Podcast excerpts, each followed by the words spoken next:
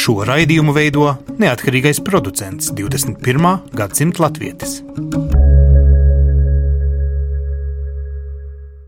Lai kur mēs būtu, Lai kur mēs būtu, Lai kur mēs būtu, Lai kur mēs būtu, būtu. Lai kur mēs būtu, mēs būtu. mēs būtu, tie esam mēs. tie esam mēs. Mēs. Tie esam mēs. Tie esam, Tie esam mēs. tie esam mēs. Tie esam mēs, Tie esam mēs. Tie esam mēs! Tas ir par mums. lai kur mēs būtu. tie esam mēs. Kas ir par mums? Tas ir par mums. Tas ir par mums. Sveicināti raidījumā 21. gadsimta latvieši. Sākoties jaunam gadam ar jaunu simtgades skatu, skatīsimies arī mazliet savādākā veidā uz to, vai vārdi un darbi saskan. Diezgan daudz būs eh, šajā gadā šķēpa laušanas ap jauniem diasporas likumiem, ap jauniem principiem par reemigrāciju, nevis reemigrācijas plānu un eh, tam līdzīgām lietām. Tādēļ eh, piesaku jums pilnīgi jaunu stilu. Turmāk aicināsim studijā pat uz vairāku raidījumu ciklu, vienu ekspertu, tad uz nākamo mēnesi kādu citu, un attiecīgi tam jau pakārtosies arī mūsu izvēlētās tēmas. Šoreiz sāksim tiešām ar uh, ļoti akūtu tēmu. Būtībā ir pat nauda. Atliek tikai pareizi viņu ieguldīt, lai tas nostrādātu. Varētu teikt, ka varbūt pat otrs remigrācijas plāns tiks, ja ne nosaukts vārdā, tad palaists darbībā. Šī gada laikā valdība šī gada budžetā paredzējusi pat pusmiljonu eiro, kurus reģionos, tātad pašvaldībām rokās ieliekot, varētu pārvērst tiešām reālos gadījumos, kad cilvēki brauc mājās un atrod gan lieliskus risinājumus sadzīves apstākļiem, gan varbūt jauna darba eh, vieta tiktu radīta, nevis meklēta. Mums ir divi cilvēki. Viena ir Ilona Platonova, viņa pirms pieciem gadiem eh, Ilona strādāja ekonomikas ministra nu, komandā, un toreiz rakstījāt remigrācijas plānu, ko, nu, būtībā valdība izšķīrās pirms gada viņu tā klusām izbeigt, ja tā varētu teikt. Nevis izbeigt, bet uh, sadalīt sastāvdaļās. Ilona Platonova ir ekonomikas maģistre. Bijusi ekonomikas ministrijas padomniece, kad tika izstrādāts iepriekšējais remigrācijas plāns. Ilonas tuvākie radi ilgus gadus dzīvojuši diasporā. Tie esam mēs. 2013. gadā, kad reemigrācijas plāns vēl pavisam nenoputējis gulēja uz ekonomikas ministrijas galda, mēs intervējām Intu un Māri, pusmūžu pāri, kuri viena no pirmajiem devās darbā uz īriju jau 2003. gadā. Ar laiku uz turieni pārceļoties ar visu ģimeni un sākot veidot jaunu dzīvi zaļajā salā.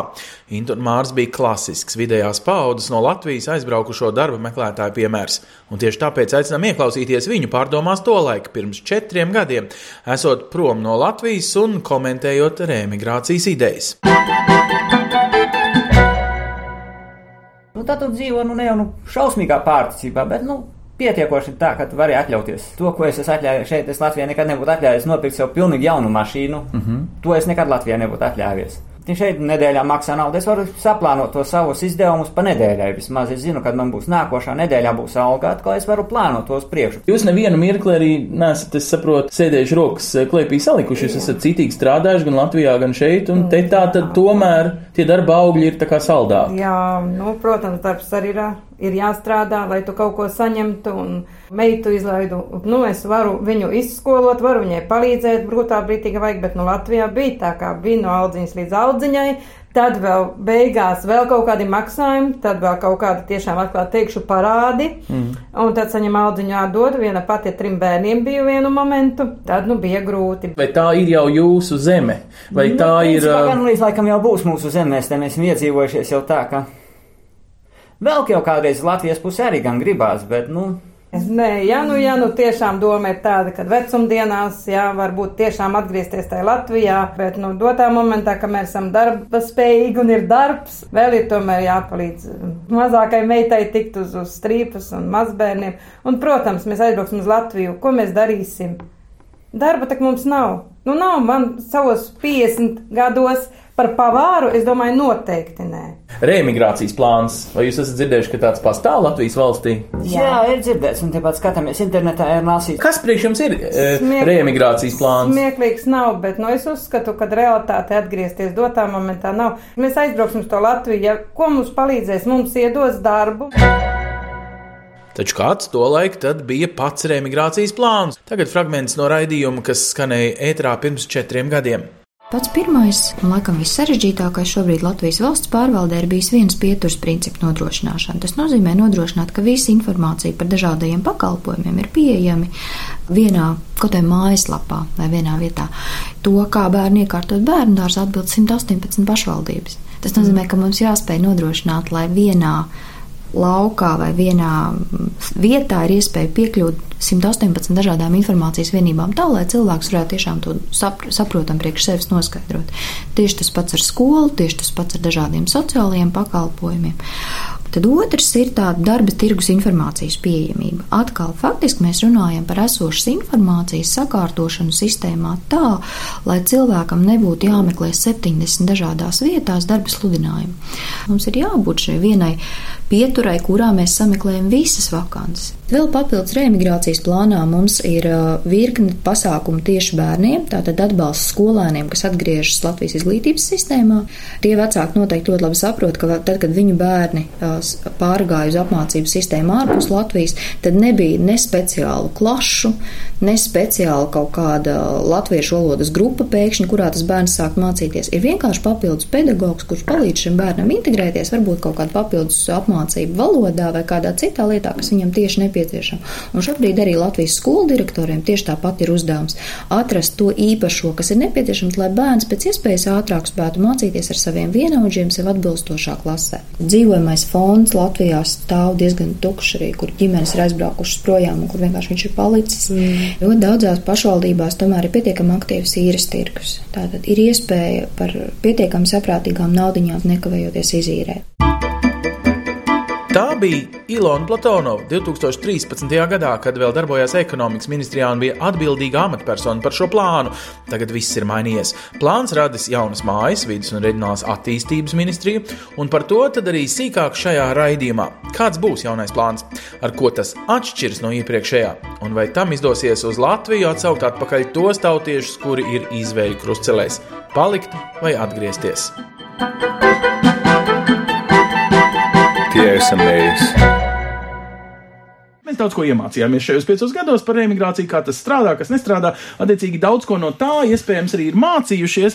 Savukārt, varam ministrija pilnīgi citā pāraudzībā ir nonākuši šie jautājumi, un Jānis Eglīts ir varam parlamentārais sekretārs. Nu, tā tad, Jāni, ministrijas rokā ir nauda, bet jūs jau viņu paši neapgūsiet, dosiet, un tagad lūdzu tad izstāstiet savus apņēmības plānus. Tas būtībā būs sākumā tāds pilotu projektiņš, ja? Jā, šajā gadījumā mēs piedāvājam tādu savu skatījumu, savu redzējumu šiem reemigrācijas jautājumiem. Eh, jo, kā pagājušā gada atzina ekonomikas ministrija, kad iepriekšējais plāns īsti nav strādājis tieši šī iemesla dēļ, ka nav bijis pietiekams finansējums, lai nu, spētu nodrošināt šim reemigrantam tās vajadzības, kas viņam rodās. Nu, bija plāns, bet finansējums bija katrai vienai it kā plānā iesaistītai organizācijai pašai savs, nu cik nu viņa gribēja, varēja enerģiju, naudu, visu ko no. atvēlēt. Jums tagad ir faktiski pusmiljons. Nu, izklausās pilnīgi cita pieeja. Kur jūs bērsiet to kaudzīt naudiņas? Nu, sāksim ar to, ka tur tur būs savi cilvēki, kas strādās ar šiem reemigrācijas jautājumiem. Cilvēki jau ir sākuši darbu jau plānošanas reģionu ietvaros, viņi arī darbosies. Tātad viens latgalē, viens zemgalē, viens vidzemē, viens pierīgā, viens, ko es nenosaucu, kurzemi? Kurzeme, nu, pierīga arī īsti nebūs, būs Rīgas plānošanas nu, reģions. Jā, bet tātad šis, nu, plānošanas reģions ir būtībā pašvaldību apvienības. Tā ir pašvaldības, kur sadarbojās arī, tā skaitā šoreiz arī būs reemigrācijas jautājumos, un šis viens cilvēks, viņš pildīs tādu funkciju, informāciju, ka viņš savāks informāciju no pašvaldībām gan par to, kādas ir iespējas ar bērniem, tas ir izglītības iestāžu pieejamība, kā ir ar dzīves vietām, kā ir ar darba nepieciešamību konkrētajās pašvaldībās, un šo te visu kopējo portfeli viņš arī piedāvās tad arī diasporai ārpus Latvijas, un arī tiem, kas uh, reemigrējās Latvijas ietvaros. Tas ir respektīvi, ja kāds no Latgals ir pārcēlies uz Rīgu, arī uz viņu varēs attiecināt šīs te pašas programmas, lai cilvēks neaizbrauktu pa pavisam, lai viņš atgrieztos atpakaļ mājās, nu, no kurienes viņš ir aizbraucis. Un tādā veidā mēs domājam risināt gan šo te emigrācijas problēmu, tā ir skaitā arī domāju, ka arī daudz skaidrāks mums būs skats par šo pieejamību izglītības iestādēm saistībā ar darbu, ar nepieciešamību, nu, uzņēmē darbības vidas sakārtošanu. Tie, tie nu, uh, tagad es sēžu uz dīvāna Anglijā, šūpoju kājas, un es zinu, ka aina, kas strādā kurzemē, kur es reiz dzīvoju, ir tā viena aina, kas man pagādās gan bērnam, bērndārs, gan manam ieprecētajam laulenim, kas nerunā latviski, latviešu valodas kursus, kad mēs nākamajā dienā jau būsim klāt. Kāds būs tas, nu, kā saka, servisa līmenis? Vai viņa tad rūpēsies, lai tieši manam bērnam, tieši tajā pašvaldībā ir tā vietiņa, tajā Nu, tie- kurzemē bērndārzā? Tīri praktiski reālā dzīvē mums ir tā, ka, lai mēs zinātu, ko piedāvāt, mums ir jāzina vajadzība. Jo es jau varu jums piedāvāt traktoru, bet, ja jūs dzīvojat Rīgā un, nu, jā. principā, nepārvietojaties ar uh, auto, ar Jā, man nemaz autotransportu, tiesību nav traktoram, nu, tad, tad, respektīvi, tā tad es ar savu traktoru varu sēdēt šeit, cik es gribu, bet Nu, viņš nevienam nebūs vajadzīgs. Tāpēc tā tad pirmā šī lieta ir tā informācijas ievākšana no tā, kas ir vajadzīgs konkrētam cilvēkam, nevis visam lokam. Mēs runājam šobrīd par konkrētiem cilvēkiem, mēs runājam par tādu kā tādu cilvēku aģentu. Un tajā brīdī, kad mēs zinām, kas jums ir vajadzīgs, jums ir tā tad, eh, jums ir laulātā draudzene, kur nerunā latviešu, mm. -hmm. jums ir bērns, kuram ir nepieciešams eh, bērndārs. Mm -hmm. Jums ir eh, ideja, kā jūs vēl varētu varbūt attīstīt savu uzņēmēju darbību, mm -hmm. bet jums šobrīd meklējat vietu, kur to vislabāk darīt. Nu, tātad šis ir tas cilvēks, kurš meklē savā reģionā. Būtībā mana krustmāte, tā ir tikai darbā pieņemta krustmātei algu Jā. maksā Latvija. Jā, un viņš šajā reģionā meklē saziņā ar šīm te pašvaldībām, viņš meklē jums visatbilstošāko šo te vietu, kur jūs varat pārcelties. Un tajā brīdī, kad jūs esat pārcēlies, mēs jau konkrēti runājam par konkrētām izmaksām, kas jums saistībā ar šo ceļošanu, šo te atbraukšanu atpakaļ uz Tad Latviju. Atbraukšana noseks Latvija. Zināma daļa, nu, katrā ziņā tās nebūs biznesa klases, un tās nebūs, nu, tas nebūs pilnīgi viss simtprocentīgi, bet uh, daļa no tā visa mēs jums palīdzēs arī šos līdzekļus apgūt, un jums būs iespēja, teiksim, gadījumā, ja jūs vēlaties uzsākt uzņēmē darbību, ir iespēja arī šim te pilotu projektam uh, 9000 apmērā kopā būs vismaz četriem projektiem līdz 9000 katrā reģionā.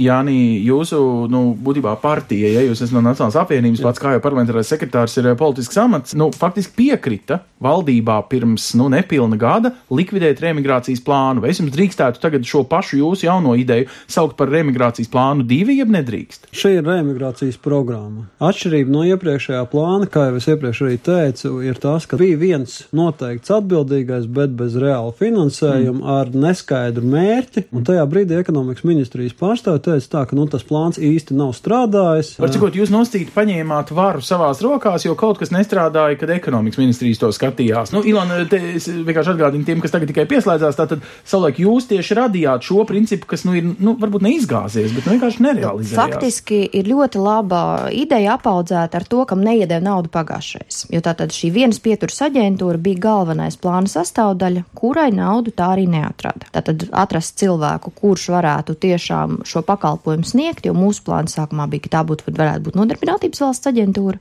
Un viņa pat centās, viņa bija vairākos braucienos uz īriju un Angliju, Viņi tiešām bija, aizbraukusi un rekrutēja bet, cilvēkus. Bet, uh, viņi neuzņēmās atbildību ne par ko vairāk, izņemot uh, atrašanu darba vietas. Mēs šobrīd runājam par vienas pieturas aģentūru. Šajā projektā tā tad ir paredzēts atrast faktiski nodarbināt cilvēku, kurš tieši tad no- nodrošinātu visu šo servisu. Bet es gribētu atgādināt, ka tieši vidus un reģionālās attīstības ministrijas atbildībā ir Latvija LV portāls, kurā Mhm. mēs jau pirms trīs gadiem mēģinājām ievietot pilnu informāciju par visu pašvaldību piedāvājumiem. Tas ir izgāzies ar lielu troksni. Jo? Nu, tas vienkārši netiek darīts, jo pašvaldībām nav obligāti pienākumi, un arī pašvaldības līdz šim absolūti nebija ieinteresētas. Viņš saka, priekš kam mums likt, mēs ieliekam savā mājaslapā, un viss līdz ar to nav vienotas informācijas ar emigrantam par to, kāds piedāvājums ir. Un to faktiski varēja izdarīt jau ļoti sen. Man ir prieks, ka tagad mēs emigranti to. bieži ir teikuši, ja es braukšu atpakaļ uz Latviju, es dzīvošu vai nu lielpilsētā Rīgā, vai nu savā citā lielpilsētā ierastajā kurzemē Liepājā, vai citur. Vai nebūs arī tā, ka pašvaldību šī nu, nevēlēšanās būt daļai no šī valsts piedāvājuma un vienā vietā nu, nav saistīta gluži vienkārši ar institucionālu greizsirdību? Šobrīd jau tas piedāvājums atkal ir uztaisīt ne jau katrā pašvaldībā atsevišķu cilvēku, bet gan vienu uz reģionu. Mm. -hmm. Un tas nozīmē, ka greizsirdība turpināsies. A, Kā ir, jā, Es kā jūs pārvarēsiet greizsirdības ar pašvaldībām? Viņas mums ir 119. Es gribētu teikt, ka šeit tā greizsirdība ir zināmā mērā pārvarēta ar to, ka ar to nodarbojās viens cilvēks, kuru uzdevumos tātad arī ir šo te informāciju dabūt, gan no vai no pašvaldības, vai viņš eh, strādā ar kādu konkrētu cilvēku pašvaldībā, vai tas ir priekšstādātājs vai kas.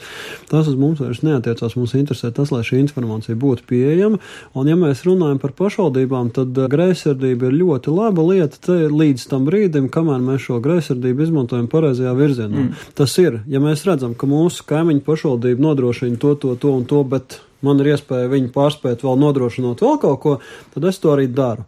Šobrīd, kā jau pareizi tika minēts, tad izgādās šī ideja par to, ka pašvaldības sūta šo informāciju, bet tas nav tik daudz, cik pašvaldību vēlēšanās vai nevēlēšanās pēc. Tas ir vairāk saistīts ar šiem resursiem, ka, lai šo informāciju regulāri nosūtītu, tomēr tam ir vajadzīgs cilvēks, kas atjauno informāciju, kas viņš viņu apgūst, viņš viņu sūta, mm -hmm. viņš viņu pretī kāds ir, kas saņem, kamēr tas viss ieietās. Tik tikko kā ir sācies jaunais budžeta gads, tik tikko kā tas viss varēja sākt darboties, nu, praktiski, un tagad ar to arī šie plānošanas reģioni nodarbojās. Ilona, Ilona Platonu, tātad um, klausījāties uh, daudz šo valdības jauno piedāvājumu, un es gribētu jums tieši dēļ tā, ka pati tagad vadības zinātnes uh, doktorante esat un uzņēmē darbību, nu, mēdzat konsultēt arī no tā loģikas viedokļa. Valdība ir ļoti laipna. 9000 grantu, kas nebūs nekam jādod. Tu varēsi saņemt, nu, būtībā kā tāda uzņēmējdarbības sākuma naudu. Dod Dievs katram tādu iespēju iegrābties tādā naudā. Pilotu projektam jānes lieliski rezultāti. Vai šis ir godīgi pret tiem, kas dzīvo Latvijā? Es teiktu, ka tā ir ļoti neliela nauda. Būsim godīgi. Granti šobrīd pieejami līdz 25 tūkstošiem. Vienīgi tas, ka šī nauda bieži vien ir jādod atpakaļ aizdevumu līmenī, tai pašā altumā. Bet uh, svarīgāk ir tas, ka šobrīd šobrīd nav skaidrs, kurš izvērtēs šos projektus un vai šie projekti beigās neizkonkurēs kādu no esošajiem biznesiem. Nu, piemēram, nav neviena kritērija, kāpēc uh, šis uzņēmums, nu, vismaz tāda atbrauks cilvēks mums uztaisīs ceturto kafejnīcu. Principā kāds cits tajā brīdī no tiem, tiem esošajiem kafejnīcu īpašniekiem vienkārši būs spiests savu mm. vienību aizvērt jā, nu, un aizbraukt projām. Vai, jā, jā, lai neznāk tā, ka pazudušais dēls ir mīlētāks ja, ja pazudušais dēls šo naudu savam biznesam iegūs no ārzemniekiem, fantastiski. Tādā gadījumā ar visām četrām par, jo šis bizness nekādā veidā nesabojās nevienam citam dzīvi, viņš nu, iedos papildus. investīcijas atpakaļ. Jā. jā. Vai jūs šeit gribat, kā lai saka, šādā veidā arī daļēji arī atlasīt, proti, tos latviešus, kas brauc mājās, bet ar nosīm tad radi sev darba vietu, radi savu jauno mazo inovatīvo biznesiņu, vai tas arī ir apakšmērķis? Kā jau es minēju, šādi projekti ir paredzēti četri katrā plānošanas reģionā, nu vismaz četri. Mm. Uh, bet tātad tas nozīmē, ka šie līdzekļi ir ierobežoti, un, protams, ka šis izvērtējums būs, nu, kurš no viņiem ir dzīvot spējīgāks, kurš no viņiem ir vērsts uz eksportu. Bet kurš to izvērtēs, jūs vēl nezināt? Ministrs vai nē, tas, pāvests nē, vai vietējais tas, ierēdnis? Tas notika šī paša plānošanas reģiona ietvaros, un tur nu, neviena pašvaldība negrib kaut kādu, nu, kā lai saka, negrib kaut kādu nesmukumu. Bet jūs pats strādājat ministrijā, kurai bieži ir nācies pašvaldības kritizēt es... par to, ka vienā programmā ieplānota nauda, nezinu, ielu apgaismojumam, beigās parādās kā jauniem puķu dārziem es pie domas. Es gribētu minēt, ka man tieši sanācis nesen redzēt to, kā izvērtās pagājušā gadā piešķirtā naudiņa plānošanas reģioniem, kur arī pašvaldības izvērtēja, iesniedz un tā tālāk. Varam iedot skaidrus kritērijus, bet biznesa vērtēšanai tik skaidri kritēriji nepietiek, vajadzīga arī ekspertīze. Tāpēc būtu svarīgi, ka piesaista cilvēks, kas prot vērtēt biznesa. Labi, plānus. bet no otras puses mums ir jāuzticās saviem tautiešiem. Ja mēs viņus saucam mājās, bet pasakam Jā. tikai ne tu, tikai ne tev, tikai neko, tad beigās mēs ar vienu roku saucam, ar otru nē. Jūs pats teicāt, jūs gribat, nu, lai viņu ir daudz, lai jums ir no kā izvēlēties. Bet, nu, reāli taču jums tās ierobežotās iespējas savā ziņā liks uz eh, nu, tādu svaru kausiem. Hei, ja es došu šim čalim, tad viņam brauks līdzi sieva un septiņi bērni, bet ja tam otram, kurš nav pat precēts un kur nu vēl bērni, bet viņam inovatīvāka biznesa ideja, kas ir lielāks ieguvums Latvijai ar šo programmu? Atvilkt atpakaļ vienkārši dzīvo spēku, nāciju, jeb eh, tiešām foršu biznesa ideju, kas atvedīs vēl 17 darba vietas. Uh, ziniet, ka ja kotleti sadala četrās vienādās daļās, tad ir ļoti grūti pateikt, kur no šīm daļām ir daudz svarīgāk. Un arī šajā gadījumā es jums, ja no tautsēmniecības viedokļa es varu pateikt, tad svarīgāks ir darba vietas. Ja mēs skatāmies no kopējiem Latvijas visiem mērķiem, tad svarīgāks ir cilvēks. Par cilvēku svarīgāks nav nekas. Taču, ja nebūs darba vieta, tad nebūs arī kas brauc. Ļoti mm -hmm. vienkārši. Šobrīd arī notiek ļoti daudz diskusijas par to, ko darīt, kā darīt vai ar pašvaldībām vajag dot lielākas pilnvaras vai mazākas. Svarīgākais ir, lai Latvijā būtu darbs un e, lai šis darbs spētu dot cilvēkam iespēju nodrošināt savu ģimeni ar visu dzīvē nepieciešamo. Tas ir gan līdzekļus, gan pārtiku, gan dzīves vietu. Un tajā brīdī tad mēs varēsim teikt, ka šis plāns ir sasniedzis savus mērķus. Nu, tagad vai nu slavas dziesmas vai liela kritika? Es Ilona, nu, gribēšu tagad kaut ko labu arī pateikt. Lieliski, Pirmkārt, inovācijas jeb jauninājumi vienmēr prasa risku. Un šobrīd valdība, manuprāt, manuprāt, ļoti sakarīgi ir izlēmusi iedot šos līdzekļus un riskēt ka katrā no pašvaldībām tiks testēti, pilotēti projekti, kas šajā konkrētajā pašvaldībā tiek skatīti par labākajiem. Latvijas valsts eh, deviņu gandrīz miljārdu budžeta kontekstā šie deviņi tūkstoši uz katru no četriem projektiem izklausās, nu, principā netik svarīgs zaudējums, ja tas kļūs ne, zaudējums. Ne, tas ja? nebūs būtisks zaudējums. Tiešām ir labi, piedevām ir otra laba lieta. Vairums arī aptaujāto imigrantu uzticas pašvaldībām daudz vairāk kā centrālajai valdībai, kas nozīmē vēl viens faktors, kas ir pašvaldības ir izdarījušas labu mājas darbu, viņas ir braukušas pie cilvēkiem diasporā un tikušās. Mums ir, laikam, cēsis droši vien tiek minēts daudz un dikti, bet ir arī citu pašvaldību liepainieku sanāksmes, tomēr ir bijušas. Jā, jā, jā. Daugaupilī organizē ga katru gadu pilsētas svētkus, kad ļoti daudz atgriežas un kad arī pašvaldības deputāti ļoti cenšas aktīvi uzrunāt savus iedzīvotājus un skaidrot, kas ir tās vajadzības. Respektīvi, par šiem gadiem ir izdarīts daudz, lai sataustītu. Tas, kas būtu, manuprāt, ļoti svarīgi, ka ir jābūt centrālajā valdībā kādam atbildīgam par to, lai šo pieredzi pēc tam savāktu. Bet kas tad šeit ir ministrs, jo viņa ministrijā ir šī pusmiljonu programma? Un tas, kas man satrauc tiešām ir tas, ka, protams, ja mēs gribam skatīties no uzņēmējdarbības attīstības viedokļa, tad ekonomikas ministrija jau izstrādātos piedāvājums uzņēmējdarbības atbalstam. Tā pašā laikā sabiedrības attīstībai vienas pieturas aģentūras izstrāde, tas viss ir varams. Tātad, ja šie cilvēki, kas atbildīgi par vienas pieturas aģentūru Latvijā, mēs visu laiku esam sapņojuši, ka mums būs viena vieta, kur jebkurš Latvijas cilvēks var aiziet un atrisināt sev neskaidros jautājumus. Tā ir varam kompetence. Cik nopietni jūs sakat, ja viena gada laikā, nu reāli citi saka, nu piecu gadu laikā varbūt tas varētu palaisties kā tāda tradīcija, ka cilvēki zina, ka valsts viņus šādā veidā vilina atpakaļ ar šādiem labumiem. Cik nopietni jūs esat par tiem nu, šī gada veiksmes stāstiem? Nu, šobrīd tas primārais uzdevums ir realizēt visus šos projektus, uh -huh. tad, respektīvi, iedot šo naudu, lai tiktu radītas šīs darba vietas, un tālāk jau mēs varēsim sākt mērīt jau nu, vairāk gadu garumā.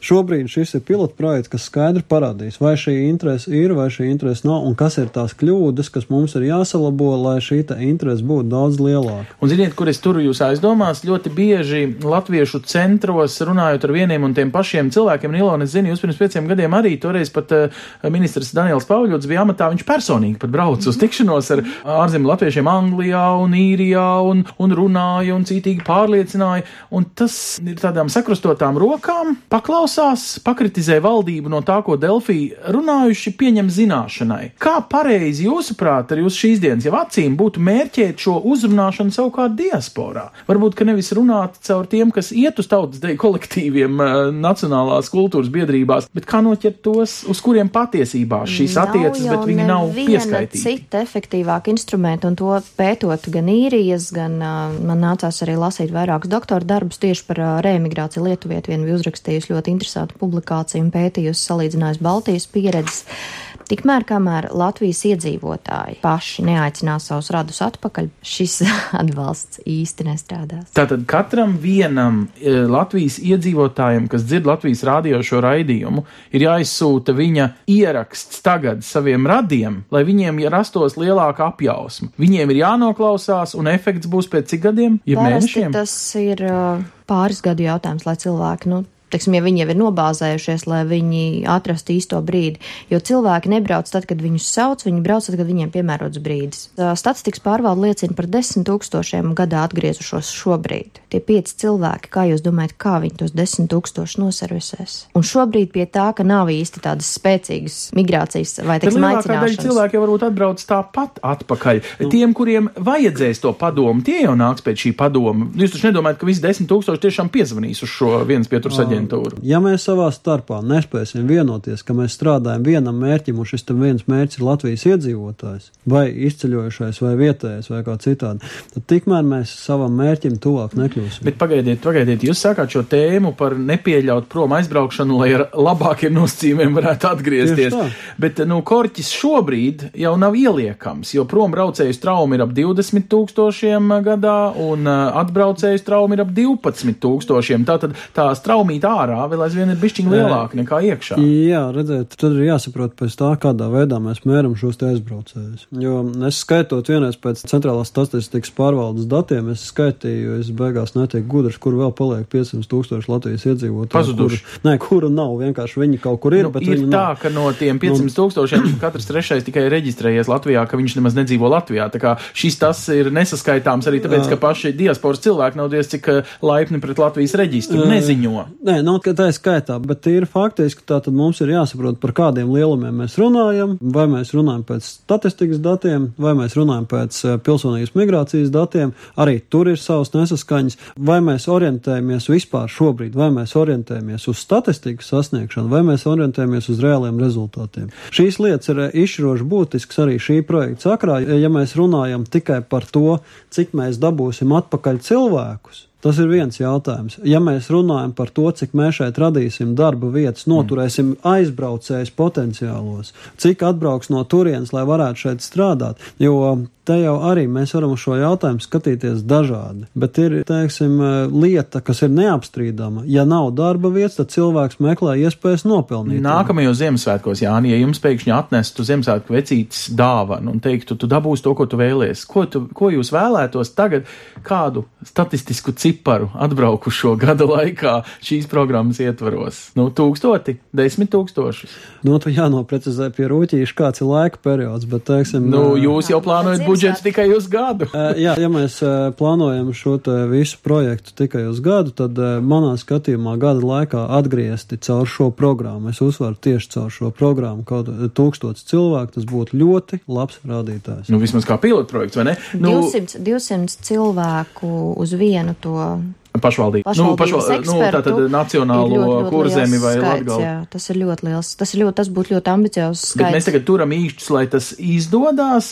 Galu galā ir arī tikai pusmiljons, ja tā ņem. Tā ambīcija jau ir tiešām liela un skan labi, apņemšanās ir liela. Varbūt, ka tur, kā saka, valdība nākamajos vasaras grozījumos varētu vēl 4 miljonus piemest. Šobrīd tas, par ko mēs runājam ar šo piedāvājumu, tas ir tas vienotais piedāvājums gan no ministrijām, gan no pašvaldībām valdībām. Mēs izveidojam portfeli, ar kuru mēs ejam pie šī cilvēka, pie šīs diasporas un sakam, lūk, mums ir. Cik daudz laika prasīs šī piedāvājuma sagatavošana? Mums šobrīd ir janvāra beigas. Piedāvājumam ir jābūt kvalitatīvam. Šobrīd mēs esam pie tā visu sākuši, un tāpēc uh, ir nedaudz vajadzīgs laiks. Es domāju, ka pavasara beigas būs tas brīdis, kad būs jau reāls piedāvājums, ko mēs varam sākt piedāvāt. Tātad ap 4. maiju Baltā galdauts svētkiem pirmo tādu zīmīgo simtsgades simbolisko kopā svinēšanu varbūt jau kāds saņems nu, tādu pirmo uzmundrinājumu. Mēs negaidām, ka tagad mūs tūlīt gāzīs riņķī tāruņa zvana mm. ar pārbagātām idejām un visā citā. Tas ir darbs, kas ir jāveic, kas šobrīd ļoti ilgi nav veikts.